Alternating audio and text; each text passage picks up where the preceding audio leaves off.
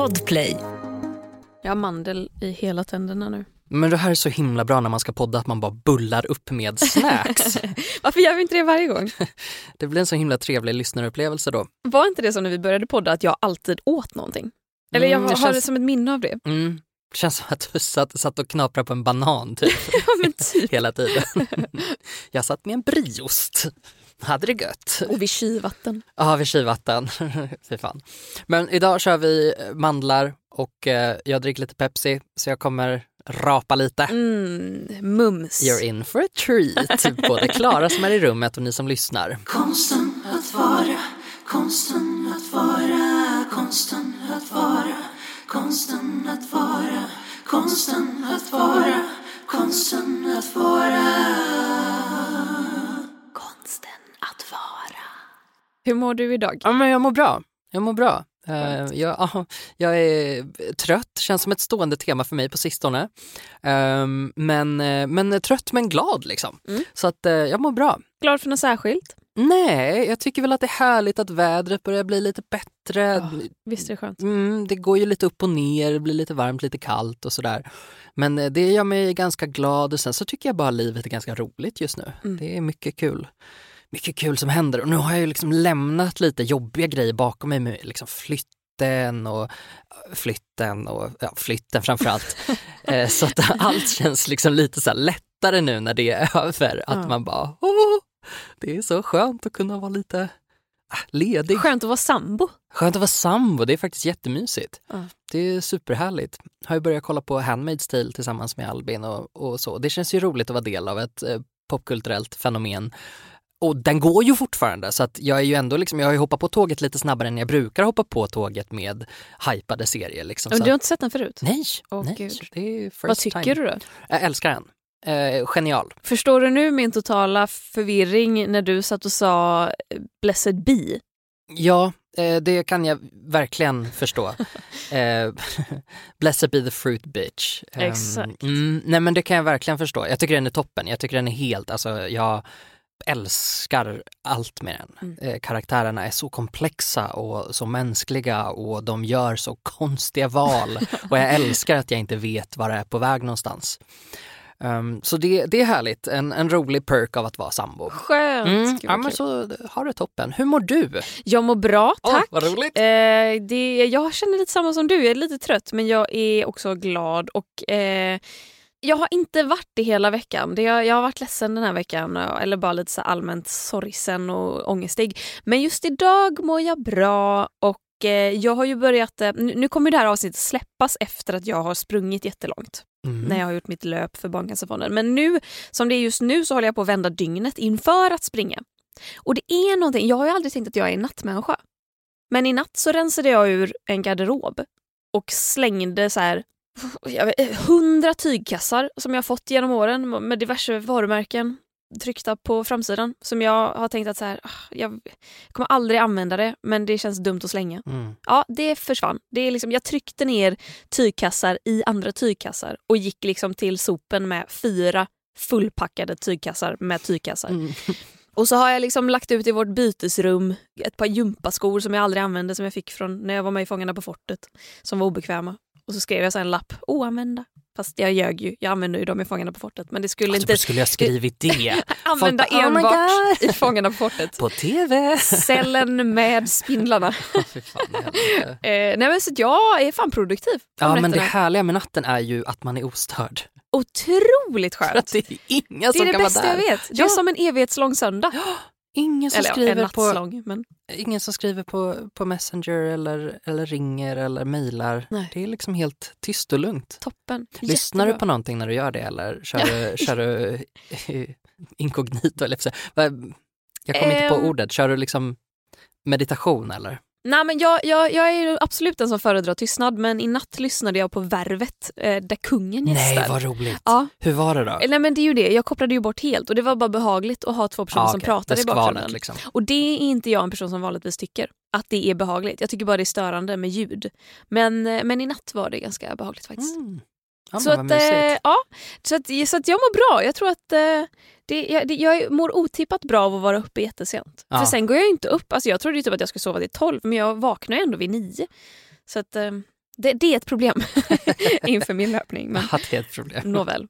När vi spelade in podd med Ångestpodden här om veckan så hade ju de lite temat etiska dilemman. Ja, Eh, Så vi fick svara på lite frågor. Det här avsnittet kommer ut på torsdag om jag inte säger helt fel. jag tror du säger rätt faktiskt. Jag tror faktiskt också det. Jag är 99,9% säker på att det faktiskt kommer ut då. Eh, Och då pratar vi På om det. deras eh, kanaler. På då, deras kanal, Mm. exakt. Avsnittet med dem på vår kanal har ju redan kommit ut. Men eh, blev lite taggad av det och tänkte att det här är ju ett ämne som vi har pratat om förr. Ja. Kanske man ska gräva fram ur arkivet. Inte bara pratat om förr, det är också ett av våra mest uppskattade avsnitt skulle jag våga påstå. Jag skulle vilja påstå att det är ett av våra mest citerade avsnitt, Ja. inte minst av oss själva. Mm. Ja, det är ju mitt favoritavsnitt. Eller Ja. ett av mina Ja, favoritavsnitt. ett av mina Mm. favoritavsnitt. Det, det var det, alltså det var den ensamma härskaren när, när det kom. Det var som att jag var, allt annat vi har gjort är skit. Vilket är det? 60 någonting tror jag. 61, konsten att 61. skilja mellan ott och gont. Och ja, det är där som vi tar beslutet att vi ska spränga den gravida kvinnan. Och det är ju för övrigt någonting vi ville trycka upp på merch men ansåg kanske inte passar så väl in i dagens samhälle. Eller något samhälle överhuvudtaget. nej, nej, förhoppningsvis inte. Här kommer då din tredje och sista situation att svara på. Ja. Här är du av någon outgrundlig anledning på en guidad tur i en grotta. Nämen.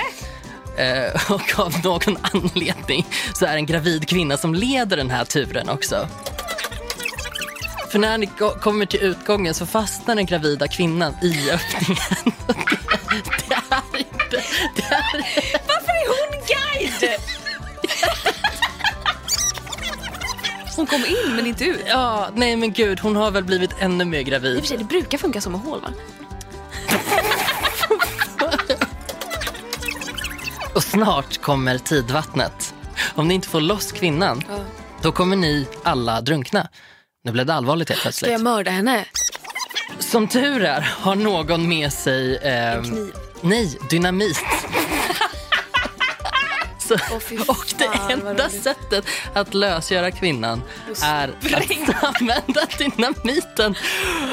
Och då dör hon ju. Och barnet. Vad gör du? Spränger henne såklart. Alltså gud! Jag vill ju överleva.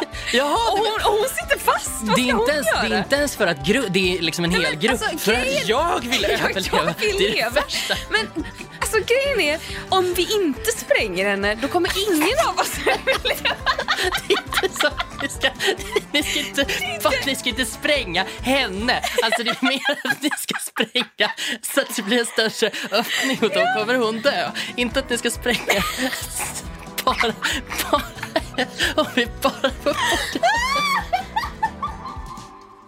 Men eh, ja, här är vi nu. Här är vi nu, del två av Konsten att skilja på ott och gont. Ott och Gont. Om du inte förstår referensen, lyssna på avsnitt 61.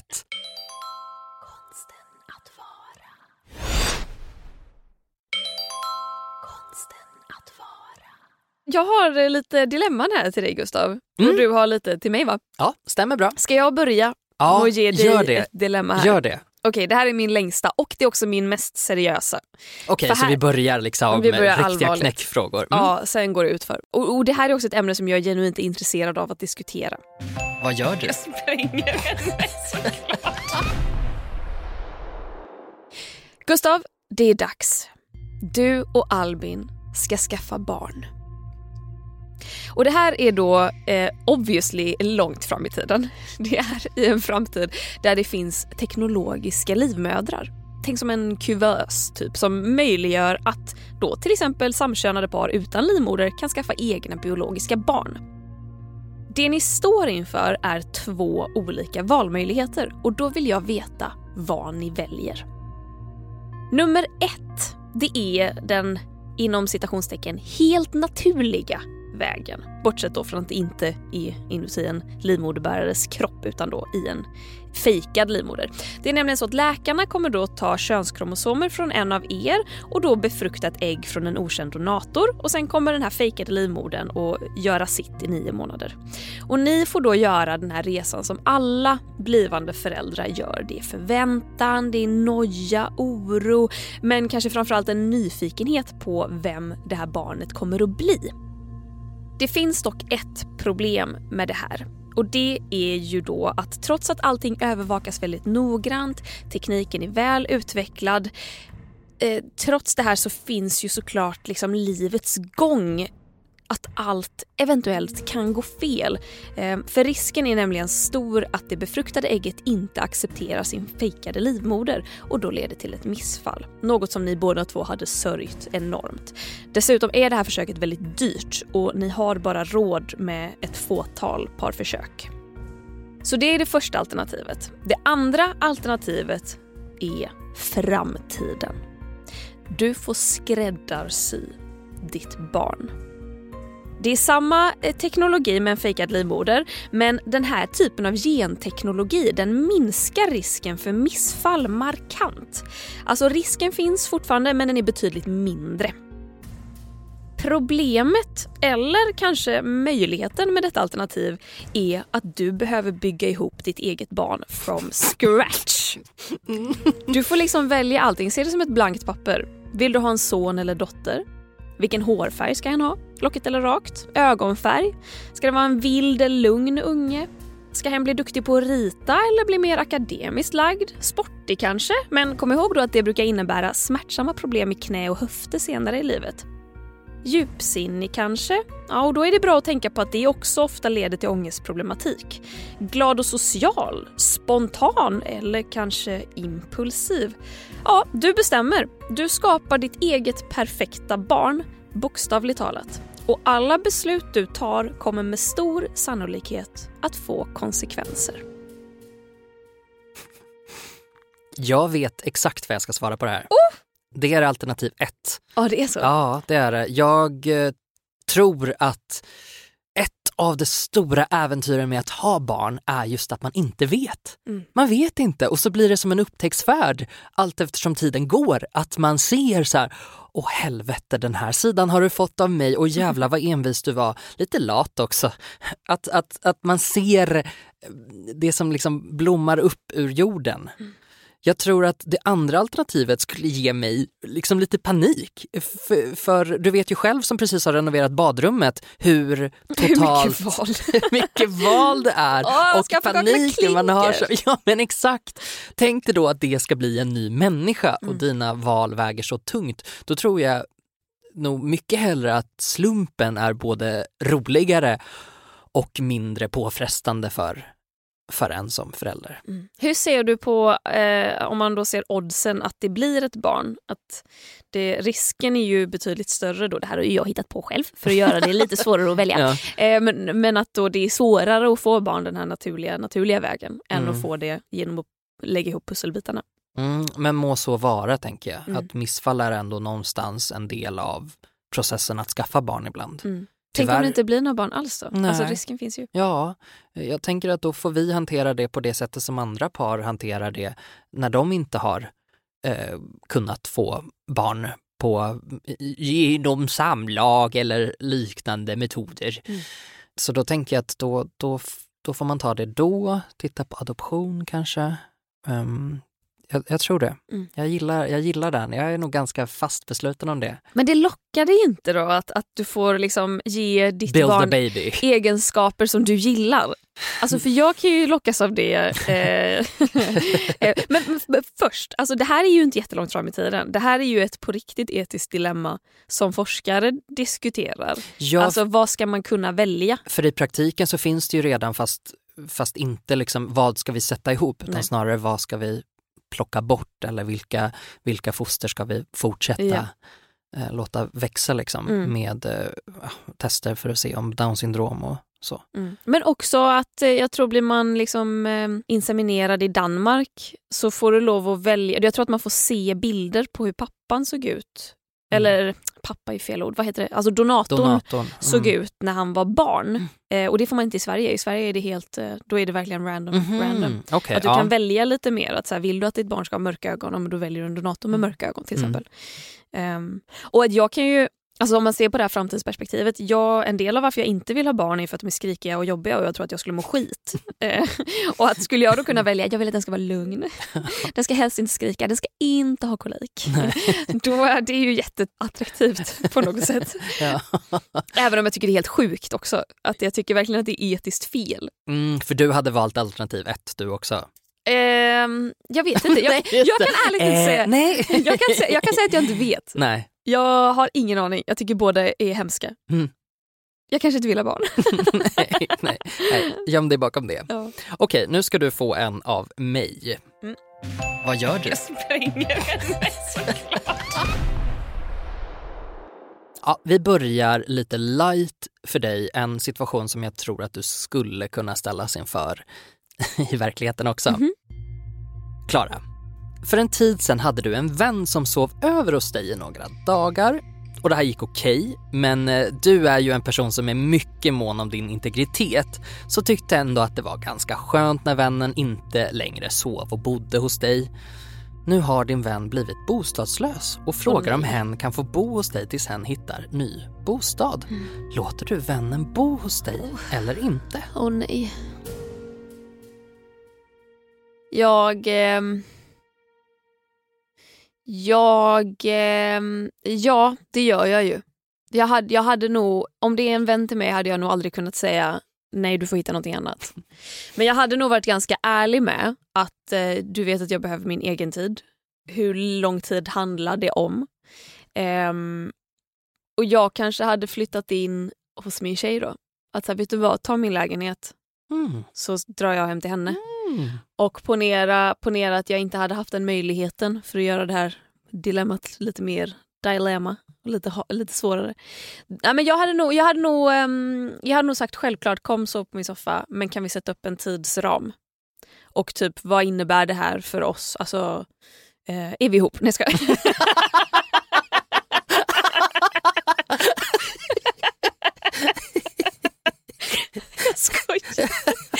menar mer typ Gud, så tjejigt svar.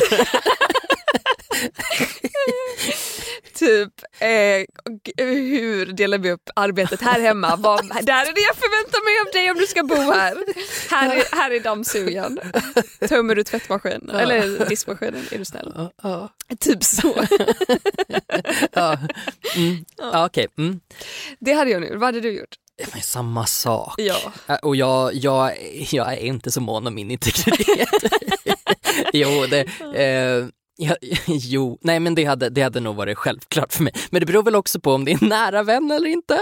Ja, Alltså, oh ja. så här, En jobbarkompis. Ja, nej men för, för jag, tror, jag tror så här, tidslängden tidsfristen hade varit olika lång beroende på vem det är. Om det är en jobbarkompis så kanske man hade satt en lite tajtare deadline liksom. Ja.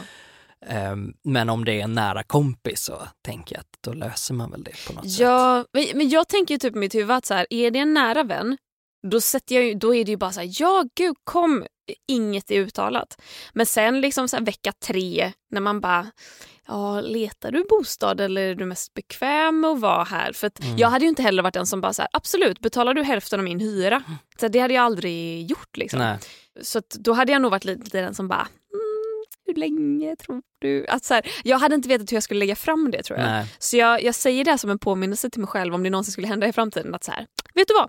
Sätt, så här, föreslå en tid, Ja. alltså en, en längd. Och jag menar, det är klart att man kan förlänga den. Så här, går det två veckor och den har inte hittat boende, nej men stanna en vecka till då. Det är ingen brådska liksom. Mm. Men bara så att vi vet tror att jag- det här är, inte, Ja, det här är exakt. temporärt. Och jag tror att både du och jag som personer gillar att ändå så här, här är en punktlista över sakerna vi ska tänka på. Här Ja. är tiden du kan stanna här, här är uppgifterna i hemmet jag förväntar mig bara för att vi ska undvika konflikten. Ja, När det väl blir så här att bara, Åh, gud nu har jag tvättat 500 gånger och du har inte tvättat en enda. Ja. Då vill vi hellre ha så här, jag hänvisar dig paragraf 4.3 i vårt avtal. Där står det att du ska tvätta. Typ. Typ. Konsten att vara. Konsten att vara. Mitt nästa dilemma till dig, Gustav, Jernberg lyder... Vad gör du? Jag spränger Du väntar på ett paket. Det ska levereras imorgon hem till dig, vilket är perfekt eftersom du jobbar hemifrån och du kan knappt bärga dig till morgondagen. Plötsligt ringer det på dörren. Du öppnar och utanför står ett paket. Va? Redan? Vilken service! Du tar in det och sliter förväntansfullt upp paketet som lustigt nog inte har någon adress eller något namn på. Men nåväl, du river bort tejp och såna uppblåsta plastbubblor och så tittar du ner i lådan. Det är inte ditt paket. I lådan ligger nämligen en butterflykniv, buntband, en burnerphone och stora mängder av något som är misstänkt lik kokain, am I right? misstänkt likt, tror jag till och med. Paketet har uppenbarligen kommit fel och du, Eller har det det? och du häpnar över att du uppenbarligen bor granne med någon som är helt jävla störd i huvudet. Samtidigt blir du skräckslagen för vad ska du göra av alla de här olagliga grejerna du har i lådan framför dig? Och vad händer ifall budbäraren inser sitt misstag och kommer tillbaka? Ehm, alltså jag ringer ju polisen. Direkt. Ja. Utan tvekan. Oh, Jag ringer polisen och sen lämnar jag lägenheten. Ja, Alltså så här, jag kan möta upp er och ge er nyckeln men jag är inte hemma. och du är inte rädd för att, för så här, det står ju ingen adressat på paketet. Tänk om polisen tror att det är dina grejer. Ja, det skulle jag nog kunna hantera. Alltså där får ju jag ett otroligt självförtroende i att jag är en så jävla god människa. Jag vet ju att jag aldrig skulle göra något sånt. Alltså jag blir ju, jag har typ men jag har ju lite ångest över att jag inte har lämnat tillbaka en, eh, en typ skål till min granne när hon bjöd på falafel för en månad sedan. Alltså jag har sånt, så mycket samvete så att det, jag, jag skulle vara så himla bombsäker på att men jag och polisen kommer lösa det här. Ja. Det kommer gå bra. Och vart, eh, vart tar du vägen? Jag eh, kanske åker till samma hotell som vi flydde till när mitt eh, ex mamma var jagad av maffian. kanske. Du har erfarenhet av det här. Det Jag har erfarenhet av det här. Eh, ett hotell utanför stan tror jag. Ja. Kan väl lika gärna göra det mysigt för sig. Du vill inte säga vilket hotell? Nej, det vill jag inte. Men, så att jag, jag förlitar mig på rättsväsendet och eh, sen så antar jag att jag så här, de bara Fara nu över och så kommer jag få flytta hem igen och sen blir jag mördad av grannen. Vi vet ju hur bra de tar hand om folk som flyr. Trevligt. Mm. Eh, Jag vet inte vad jag hade gjort i den här heller. Nej okej, Nej men jag hade nog, eh, alltså jag vet inte, jag tror... Jag ställt tror den utanför dörren. Ja, jag tror fan jag Ah. hade tejpat ihop lådan någon- igen och eh, ställt den utanför som om jag aldrig hade rört den Mm. och väntat på att den skulle försvinna. Mm. Kanske också gått hemifrån. Ja. ja men det tror jag hade varit naturligt att man bara, vet du vad, jag är hellre på Espresso House Men jag hade här. nog eh, Då inte vet vågat man gå hem illa det igen. är. Ja, Eh, Nej man hade inte vågat gå hem nej. Nej. nej. absolut inte. Jag hade flyttat, flyttat hem till den där kompisen som fick bo hos mig ett tag. Jag hade tagit med ett buntband. För det är alltid bra att ha. Mm. Men Kattstrypare. ja, ifall det kommer en jävla kattskrälle så kan. Och så lämnar du den på dörren till din granne. Ja men det är ju det, du vet ju inte vilken granne det är heller. Du bor lämnar ju en katt liksom på i varje granne. Du tar flera buntband. ja, exakt. det är det enda jag tar från paketet. Kokainet får ligga kvar, buntbanden. Ja, spännande. Då kör vi nästa etiska dilemma till dig, Klara. Vad gör du? Jag spränger henne såklart. Du och en nära vän är strandsatta på en öde ö. Been there, Ah, det har du ju! done that. Oh my god. Mm, men här skiftar scenariot från din upplevelse. Oturligt nog är ni båda dödligt sjuka. Jag skulle säga att vi var döda, men Oturligt nog är ni bara döda. Vad gör du? I stay dead, I remain. Det händer sig som så att du har en antibiotikakur som kan bota sjukdomen. Jag väljer mig. Okej, det här är liksom... Okej, men frågan, frågan forts- fortsätter. Okej, men frågan är ju hur du och din vän beslutar vem som ska ta kuren. Du bestämmer. Det är redan bestämt. Så att hur, ja, det, det gick jättelätt. Ah, Okej, hur vi väljer. Okej, men tycker du att den av er som tar kuren, som att vi inte vet vem det är, borde känna skuld och få dåligt samvete över det? Eller, eh, ja, trots då att de de facto, eh, ja, om ingen av er tar den så kommer ju båda dö. Ja, just det. Jag tror, jag tror vi kör en gammal hederlig zigzag-sugg.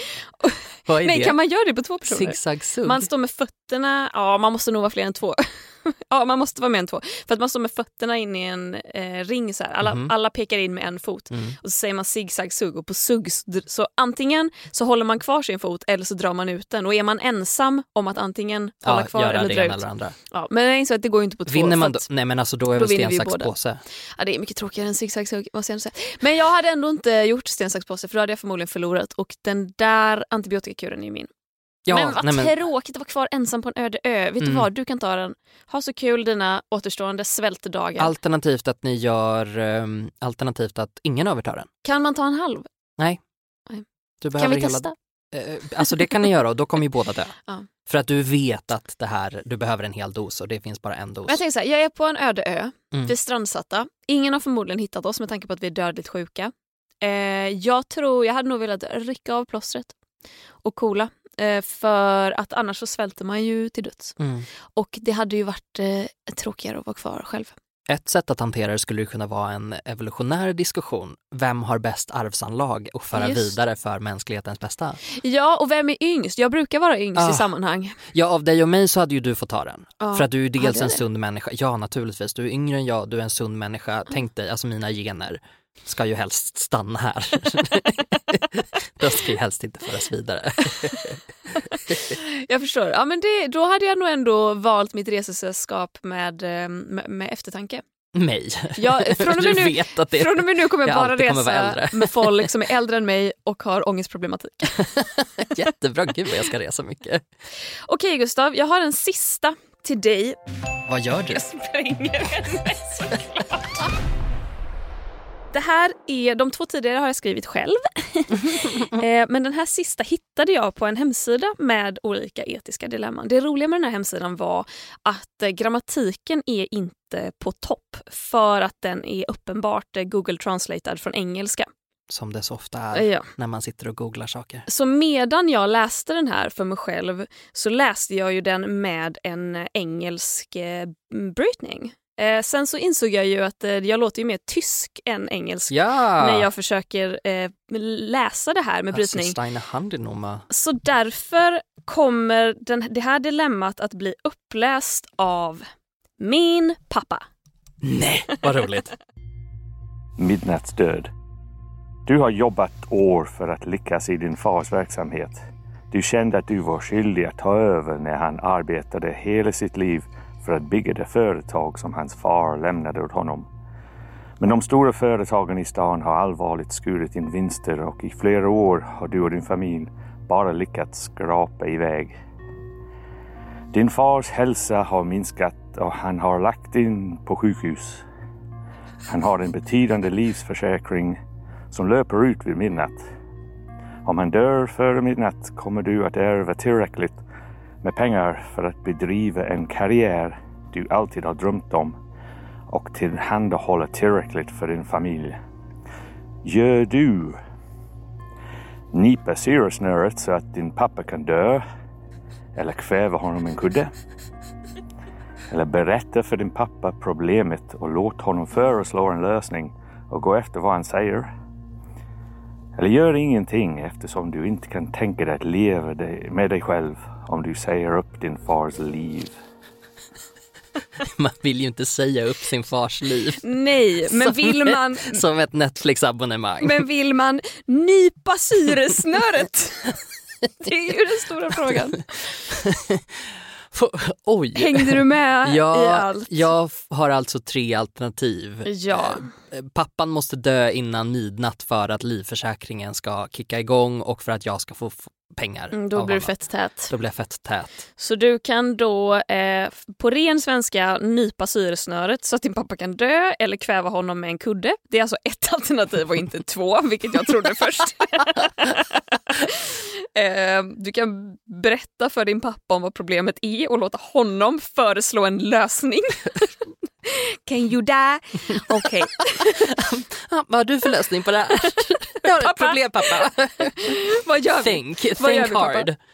Die hard. Eller gör ingenting eftersom du såklart eh, har ett samvete. Nej men jag tänker väl så här, jag börjar med alternativ två och bara, pappa jag har ett problem, vad tror du vi kommer fram till? Och sen så gör jag ju alternativ ett efter det för att jag är så här, ja vad ska du säga? Alltså det är jag som har makten. Jag, nyp, jag nyper syresnöret. Alltså så här, men jag kan ju fråga honom som en ren artighetsgrej och bara, vad tror du? Om han bara, nej gud så kan du inte göra, jag bara, det var tråkigt. Du bara, liksom- pillow. Exakt, ta det väldigt bokstavligt. Där. Bara, Jaha, jag ska inte nypa syresnöret.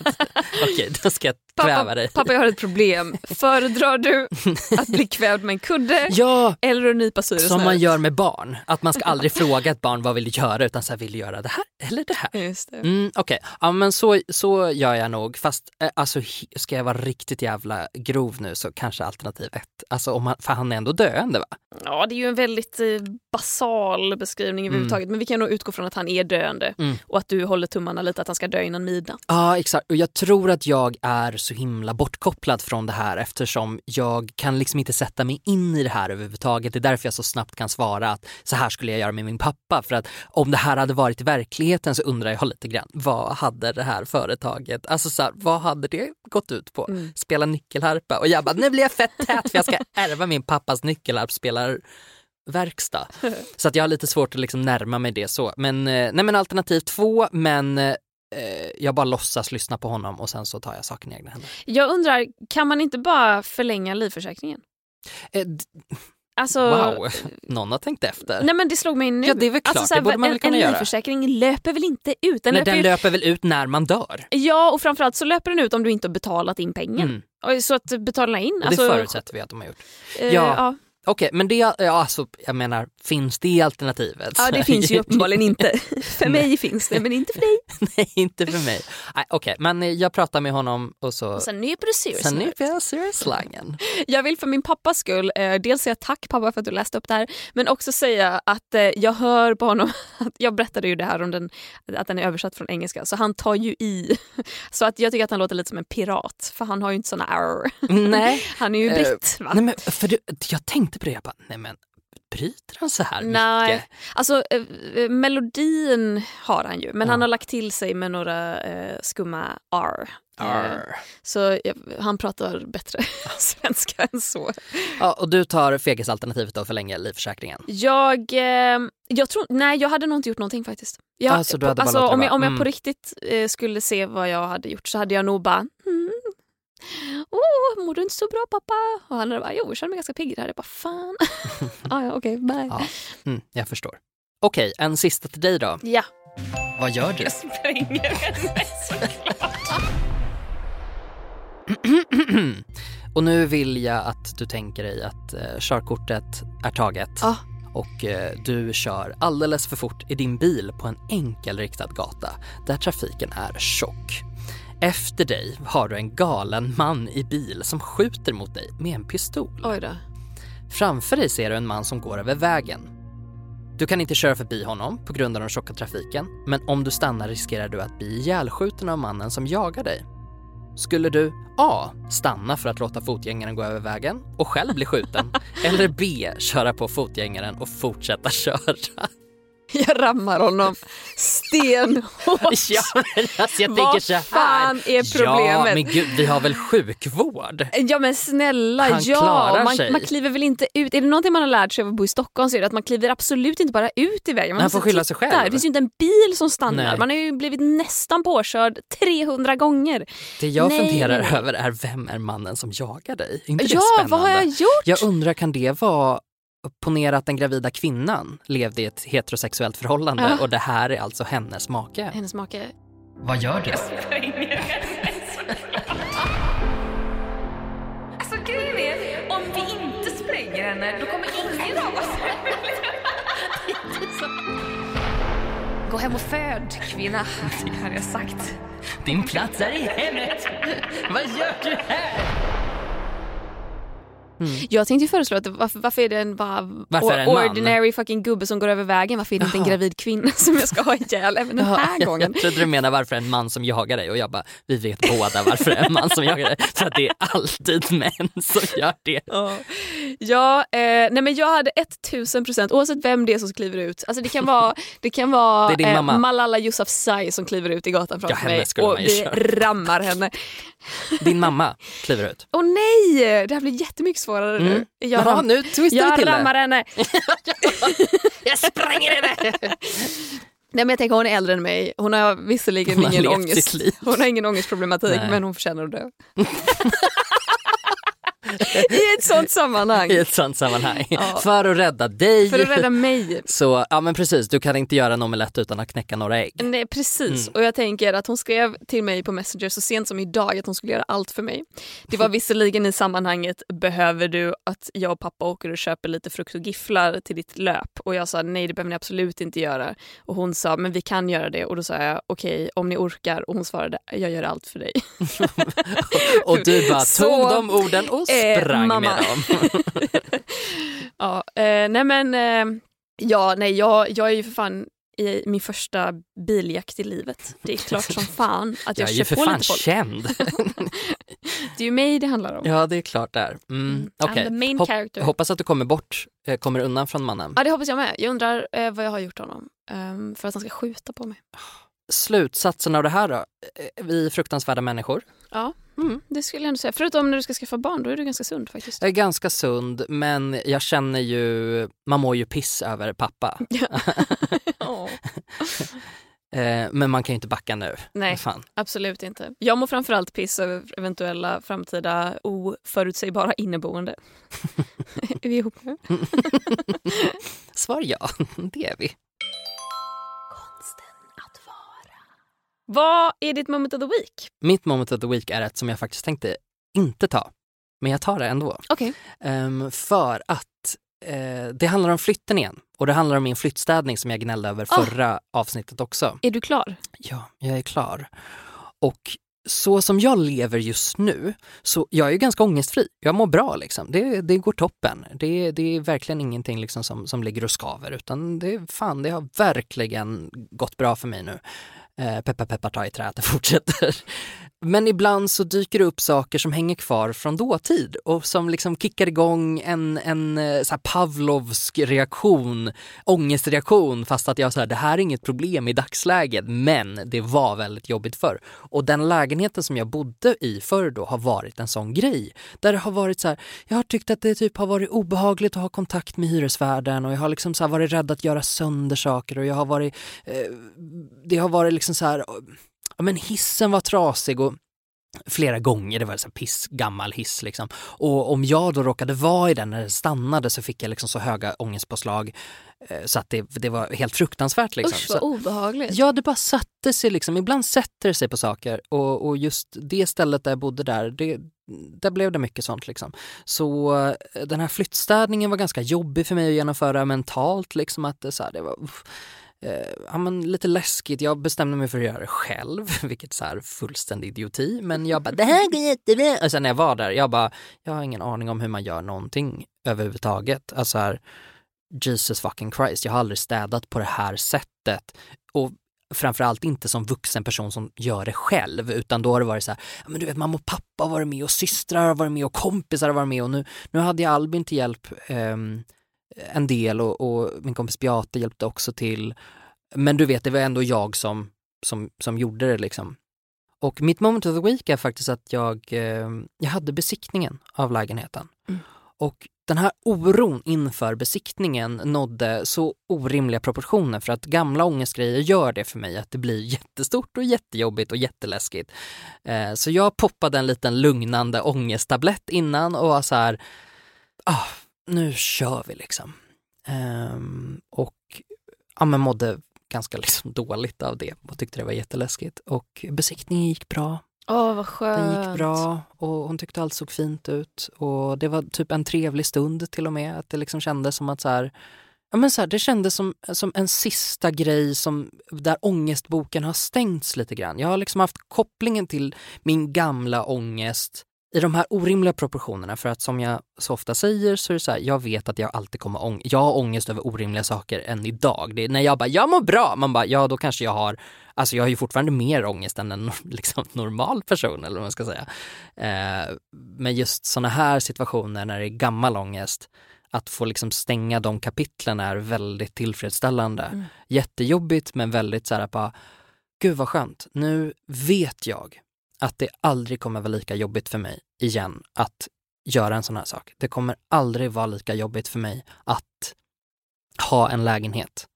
Eh, för att nu har jag gjort det och nu vet jag hur man gör och jag vet hur jag gör när jag flyttstädar och jag vet hur jag vill eh, bete mig om saker går sönder och jag, eh, allt det här som, som jag var helt galen kring att så här, ska jag nu, ska jag mejla dem nu, nu har hissen stannat och man är så här, det är inte ditt fel.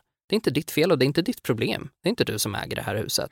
Du kan mejla och höra av dig och då gör du dem en tjänst. Ja. Det är liksom inte att någon kan tycka att vad dum du är som, som stod i hissen när den stannade. Liksom. Men min, min, eh, min ångest eh, gör ju så med mig att Mm. jag tror att, att saker är mitt fel. Alltså. Jag hade också fått panik om jag hade suttit i en hiss som stannade. Alltså Mm. jag hade känt mig så förnedrad på något Mm. sätt. Alltså jag hade fått ångest över det. Mm. Ja men precis. Och så här, och det, ja, hjälplöshet är väl en rimlig reaktion. Liksom. Jag blir mer så här, åh nej vad ska de säga om att det är just jag som har fastnat i hissen? Ja för man vet ju inte, det kanske kommer någon vaktmästare som är skitsur. Mm. Jag har verkligen sura eh, erfarenheter av Mm. vaktmästare. Och så ska de bara säga, åh vad tryckte du på? Man bara, jag tryckte inte på någonting. Det är inte mitt fel att den är här. Och då hade jag fått så här jättemindervärdeskomplex. Mm. Typ. Ja, men, och det är lite den upplevelsen jag haft tidigare. Lite så dåligt självförtroende just med boende och, och hyr och man har liksom varit med på andrahandsmarknaden länge och man Alltså folk är ganska oschyssta mot den och det har gjort mig ganska rädd och orolig och jag tycker att det är läskigt liksom. Ehm, tyckte. Mm. Jag tycker inte det nu. Nu är jag så här, du ska vara glad att du har mig här. Alltså jag är en jävla drömhyresgäst. Uh, jag gör allt rätt. Watch me, ställ mig i ett etiskt dilemma så ska jag få se hur, jävla bra jag hanterar det liksom. Jag dödar min pappa. Jag dödade min pappa utan att vända mig om. Perfekt, jag har dödat varsin förälder kommer jag på. Ja men gud vad bra, Åh vad underbart. skönt att vi ändå delar på det. Mm. Ja, nej men så mitt moment of the week är alltså att eh, den delen av ångesten är stängd och eh, det tog typ två dagar efteråt och sen kändes det bra igen. Det kändes inte bra direkt. det tog liksom lite tid för det att bara klinga Åh. av. Ehm, ja, nej men så det, det var mitt moment. Skönt! Mm, hur har det sett in, ut på din front? Eh, det har sett bra ut. Eh, som jag sa förut, jag rensade ur en hel jävla garderob och det var fan tillfredsställande. Men mitt moment of the week är någonting jag gjorde precis innan jag kom hit idag. Och det är, som jag sa till dig innan vi började banda, att jag gick till en kiropraktor. Just ja. Och det här då är ju en kiropraktor. Jag har ju inte mycket vana av att gå till eh, kiropraktorer. Men det här var en jag gick till efter att jag åkte Vasaloppet. Mm. För att jag var så stel och jag, var, jag hade redan ont i nacken innan Vasaloppet. Men efter du vet om man har så här, tagit i från ryggen. Alltså jag var så stel. Ja. Och typ alla runt mig på SVT Sporten var bara så här, du det första du gör är att unna dig en massage. Mm. Och då tänkte jag perfekt. Och så jag bara tog någon, jag hittade någon så här, sista minuten erbjudande eh, hos någon som låg så här fem minuter från där jag bor. Och jag bara perfekt, gick dit, inga förväntningar. Och han var så otroligt trevlig och kunnig och jag gick därifrån som på moln efteråt. Så att nu igen då när jag har känt att så här, fan det, jag har ont i mitt ena knä, jag känner mig lite svajig i min ena fot, jag har liksom axlarna uppe vid öronen och ibland om jag typ så här bara att jag vrider på huvudet liksom. Eller att jag kanske typ, står i duschen och lutar bak huvudet för att tvätta håret och sen räta på huvudet. Alltså det kan hugga till i nacken på mig. Och att det liksom skjuter upp i både huvudet och ner i ryggen och det gör så ont. Och det är så här millisekund av bara paniksmärta och sen försvinner det. Och då kände jag ju bara, ska jag springa 84 kilometer på torsdag fredag då måste jag göra någonting åt det här. Och jag varit lite så här, bara, man kanske inte ska göra det så tätt inpå men jag tror att så här, det, det kommer nog hjälpa mer än att stjälpa för just nu känner jag att min kropp är den är vältränad men den är fan inte helt, vad säger man? Alltså den är stel och den har ont. Den Har är den. lite, lite ur, ur form så. Liksom. Det är inte de bästa förutsättningarna Nej. tror jag för att Nej. vara vaken i mer än 24 timmar och, och göra grejer. Så summa summarum, jag gick tillbaka till samma kiropraktor. Det första han säger är du har varit där förut. Och jag bara hur fan, alltså det är över ett år sedan som jag var där. Och eh, han eh, såg direkt att jag varit där förut. Eh, så jag ljög och sa jag aldrig... Nej jag skojar. Jag har dödat min mamma, sa jag. Så ja, men jag gick in och så typ la jag mig på britsen och så knäckte han alla möjliga delar av min rygg. Och det är ju så obehagligt att Mm. ligga där och bara höra hur kota efter kota i nacken bara tick, tick, tick, tick, tick. Och att han nästan ligger på mig och trycker och att så här, vissa grejer gjorde, han gjorde gjorde så jävla ont. Att så här, han fick inte till ett knäck liksom. Åh, gud, men när att, de måste ta Ah. om det liksom och man Nej, men- bara känner att det inte lossnar. Åh, det gör så ont. Och så, och så obehagligt också när man typ känner att men det är nog för att jag spänner mig. Men jag kan liksom inte slappna av för att det är så obehagligt. Ehm, och sen så tog han tag i min fot och började rycka i den och att jag bara aj, aj, aj. Och så, det var inte ens den foten jag har haft ont i, det var min andra fot. Och han bara Mm. ja du är lite, du har spänningar här. Så han, han gjorde verkligen hela min kropp. Han nuddade inte mitt knä visserligen, knät jag har ont i. Men tro fan att jag inte hade ont i knät när jag gick därifrån. Det är så jävla coolt. Ja det är faktiskt coolt. Det är och att coolt. jag kände liksom att så här, fan det känns som att jag är lite, lite vriden åt vänster typ. Och sen insåg jag att nej, jag är nog jag är nog neutral. Jag tror att jag kanske var lite vriden åt höger innan jag var där och att det nu känns som att jag är vriden åt andra hållet fast det kanske är det här som är mitt neutrala läge. Jag känner mig på nytt född. Fan vad roligt. Ja. Ja men en, en sista checkup då. Nu spelar vi in det här innan du Ah. gör det här eh, långlöpningen, Ah, långloppet för shit. Barncancerfonden. Mm. Hur känns det nu? Just nu, nu är det eh, två dagar tills jag ska springa. Nu känns det kul. Jag ser mycket fram emot det. Jag har mitt lilla Excel-ark med alla gäster och vad jag ska äta varje timme och vilka som hjälper mig, vilka som är på plats och telefonnummer och bla bla bla. Och eh, det känns eh, bra. Det känns, eh, allting känns bra. Jag är, när jag tänker på det så blir jag nervös inför sömnen. Att jag inte kommer sova någonting. Att jag kommer liksom vara vaken en dag och börja springa vid nio och sen ska jag vara vaken ytterligare en natt och en dag. Den tror jag kommer bli tuff. Mm. Mm, och sen är jag rädd att jag ska få ont så i knäna eller fötterna. Och det kommer jag ju få. Ja. Eh, så, Jag bara, ja. ja så jag är lite nervös hur jag ska hantera det. Jag är också nervös att så här, nu har jag ju bokat på gäster varje varv. Jag är också nervös att så här, efter 12 timmar att jag bara här, inte kommer orka prata med någon. Det var precis det jag tänkte Mm. på. Men det tror jag också att folk är förberedda på. Ja, Alltså, så. jag skickade ju ut ett massmail till Mm. alla. Bara, Hur många varv är det? 12? 24. Nej, 24. Mm, Ja det är 24 såklart för att det är 24, 24 timmar. timmar. Ja. Och jag kommer in någonstans på mitten va? Nej, du kommer in ganska tidigt. Ja, ja. Eller nej, vänta, jag bokade jag om dig. Ja, jag, Just jag blev det. ombokad. Just det, när är du? Plats Fem? 11 va? Sju på morgonen? Sju på morgonen. Ja, just det. Ja, men då precis. Ja, Då är du strax, precis strax innan mitten. mitten. Ja, ganska precis eh, maraton. då kommer jag nog fortfarande vara på glatt humör för då kommer ju solen börja gå upp. Och så kommer jag. Och så kommer du. och då blir man glad. ja. Ja, ehm, nästa vecka tycker jag att vi följer upp det här. ja, det för jag vi. vill absolut att vi bara ska gå igenom eh, kanske blow by blow. Hur Yes. kändes, vi går igenom alla 24 varv. det blir jättekul. Mm, kul. Mm, det blir Ja. roligt. Eh, spännande. Det är extra spännande att veta att de som lyssnar på det här just nu mm, vet ju hur det har gått. Ja. Och det vet inte vi. Ingen aning. Entressante. Ska vi eh, tacka lite Patreons? Det tycker jag absolut att vi inte ska frångå. Det är ju ljuvligt att människor vill supporta den här podden ekonomiskt via Patreon. Man kan ge allt ifrån en dollar och uppåt. Och sen har vi ju ni sjuka jävlar som ger 10 dollar. Eh, och er ska ju vi då enligt eh, löfte på vår Patreon-sida. Enligt praxis. Ja, shoutouta! Och ni heter Hedda Lindström, Linnea Sivert, Humlan, Elinor Johansson, Sara Perjons, Stephanie Settina, Knut, Lolo Fät Joakim Gustafsson. och Isabelle. Mm. Tack. Ja, tusen tack till er. Ni gör vårt viktiga arbete möjligt. Ja. Ja, nej men alltså ni gör det på riktigt, for Ja. reals. Alla, alla ni Patreons gör det. Ja, Tack det gör ni. för det. tack så jättemycket. Tack till Helio där vi sitter och poddar. Tack till Davva, geniet som klipper den här podden. Åh, du är en jävla dröm. Tack till Klara, du är också en dröm. Åh, det är du med Gustav, tack. Mm. Vi hörs om en vecka. Det gör vi, puss hej. Hej då! Konsten att vara, konsten att vara, konsten att vara, konsten att vara, konsten att vara, konsten att vara.